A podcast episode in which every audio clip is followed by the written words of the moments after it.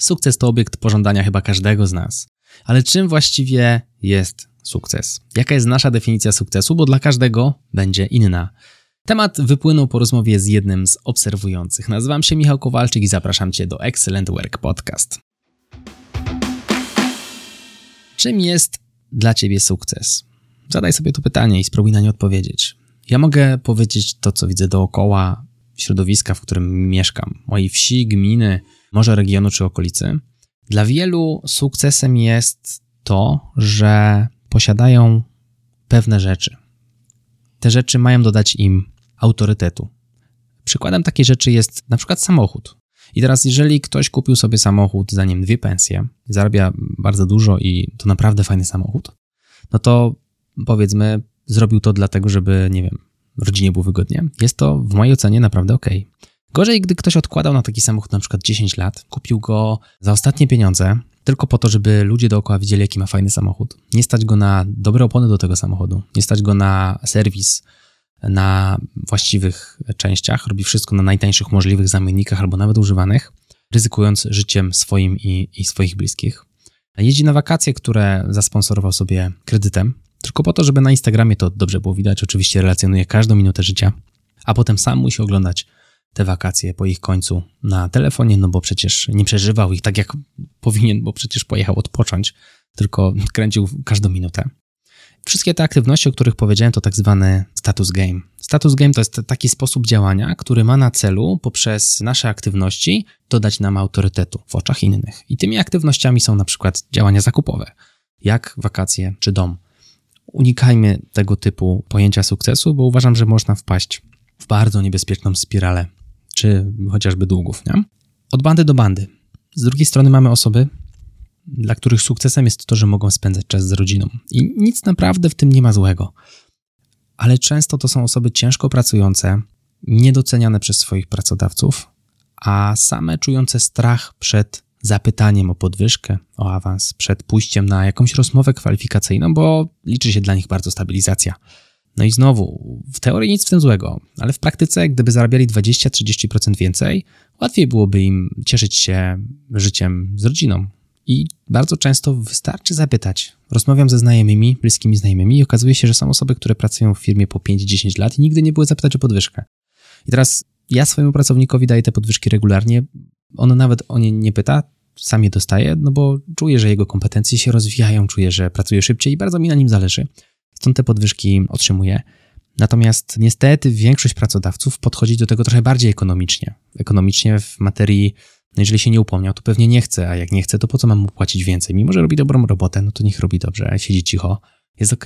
Dlatego zachęcam naprawdę do tego, aby zapytać. Można też rozeznać się na rynku pracy. Jeżeli 5 lat nie byliście na rozmowie kwalifikacyjnej, czyli 5 lat nie byliście o podwyżkę, to za 5 lat ten rynek pracy dość mocno się zmienił, zakładając jeszcze coś takiego jak inflacja. Nawet jak była w miarę normalnych ryzach, powiedzmy w widełkach 2-3%, to to za 5 lat procent składany spowodował, że ta pensja już trochę zmalała pewnie jakieś 70%, a więc warto byłoby no, ją sobie trochę podnieść ewentualną podwyżką, czy być może zmianą pracy.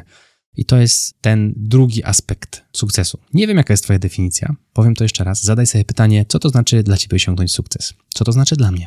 Dla mnie sukcesem jest to, że mogę powiedzieć, jakie atrybuty mam spełnione, które uważam, że są sukcesem. Jest to, że na przykład w niedzielę, ostatnią niedzielę nie mogłem zasnąć, ponieważ nie mogłem doczekać się, kiedy w poniedziałek wreszcie wrócę do pracy, bo miałem no, dużo ciekawych pomysłów. A więc znowu, kolokwialnie mówiąc, fan i jaranie się swoją robotą. Uważam, że to jest super sukces, nie? Że idziecie do pracy, którą lubicie.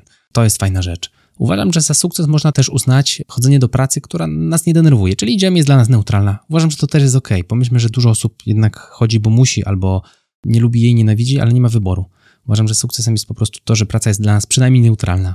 W przypadku relacji sukcesem uważam, za sukces można uznać to, że mamy świetną relację z partnerem, partnerką. W moim przypadku jest to żona.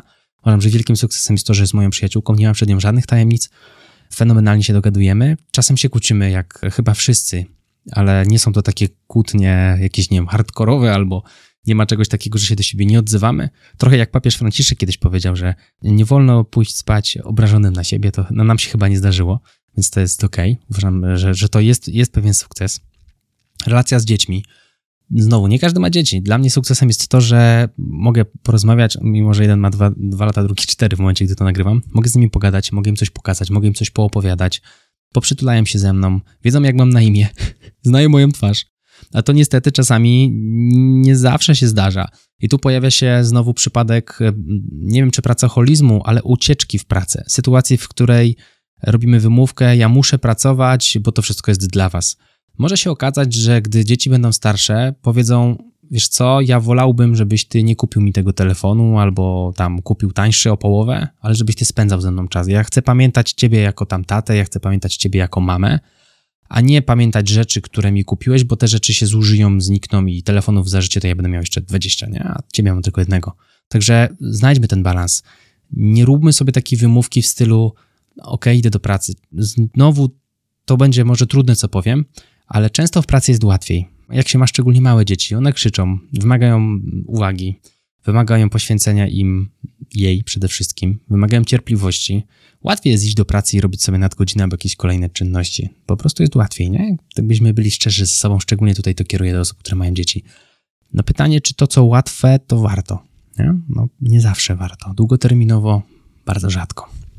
A więc dochodzi kwestia tej ucieczki tego pracoholizmu. Co dla mnie jest jeszcze sukcesem? Dla mnie sukcesem jest na przykład to, że tutaj prace trwają, że mam na przykład dobrą relację z Bogiem. To jest uważam coś, co jest dla mnie jakimś sukcesem, żeby czuć po prostu Jego działanie tak na co dzień. To jest taki trochę wymiar bardziej religijny, nie każdy wiem, że jest wierzący, jakby rozmawiamy o sukcesie, czym jest moja definicja, więc dla mnie ten element, że tak powiem, relacji z Bogiem jest istotny. Wymiar relacji rozwoju osobistego to jest też coś, gdzie jestem jeszcze w drodze. Spędziłem dwa lata gdzieś na terapii, rozmawiając sobie z psychologiem, lepiej poznając siebie. To nie chodzi o to, że byłem, jak ktoś słyszy terapia, to teraz mówi, gość pogięty, pewnie jakiś psycholog. No nie, w sensie jestem normalnym człowiekiem. Nawet pani psycholog na samym początku, jak się spotkaliśmy, pani psychoterapeutka w zasadzie, powiedziała, że w sumie to ogólnie jest spoko. Raczej będziemy sobie po prostu poznawali bardziej mnie żebym ja sam siebie poznał, jak działam i, i, skąd jakieś moje zachowania, czemu reaguję tak, a nie inaczej, niż że jakoś mnie tam leczymy. Także uważam, że bardzo ciekawe doświadczenie. Przeczytałem ponad setkę książek, z których naprawdę tonę wiedzy wyciągnąłem, ale to nie jest jeszcze finał, czyli ten wymiar rozwoju osobistego, sukces pełen dla mnie to właśnie takie zrozumienie tego, jak działam, zbudowanie sobie jakichś metod, nawyków, sposobów działania, żeby było tak, jakbym chciał, żeby było. A jakbym chciał, żeby było? Chciałbym być proaktywny, a nie reaktywny. Czyli to ja chciałbym wychodzić z inicjatywą, chciałbym robić rzeczy, to jest, jest takie fajne słowo, intencjonalnie, czyli tak jak ja chcę i wtedy, kiedy ja chcę, a nie wtedy, kiedy ktoś mi każe, albo wtedy, gdy na przykład mechanizmy społeczne mi każą, nie? Czyli znane tak trzeba, nie wypada i wypada. Nie lubię tych słów. W sensie to my decydujemy, co wypada, co nie wypada, nie? Okej. Okay. Jaką mamy jeszcze przestrzeń? No i sukces zdrowotny, uważam, to cieszenie się zdrowiem do długich lat i starości. I to jest sukces, na który też pracuje się latami, czyli po prostu je się w miarę sensownie i czasem coś człowiek porusza. Nie? Tu nie chodzi o to, że tam 5 dni w tygodniu siłka i liczymy do trzeciego miejsca po przecinku kalorie, ale po prostu takie zdrowe podejście. To jest moja definicja sukcesu. Po co ją powiedziałem? Bo być może coś z niej zaczerpniesz. Być może zwrócisz uwagę, że było tam tych pięć płaszczyzn: finansowa, relacyjna, rozwoju osobistego, religii i zdrowotna.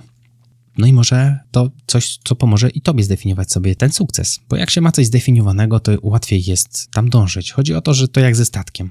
Jak statek wie, gdzie płynąć, no to finalnie uda mu się dopłynąć. Jak statek wyjdzie z portu i płynie byle gdzie, no to no nie bardzo wiadomo, jaki kurs obrać, nie? To tyle w tym odcinku. Mam nadzieję, że Ci się podobał. Jeżeli tak, tradycyjnie podziel się nim z jedną osobą. Ja się nazywam Michał Kowalczyk, to był Excellent Work Podcast. Do zobaczenia i do usłyszenia w kolejnym odcinku. Trzymaj się, hej!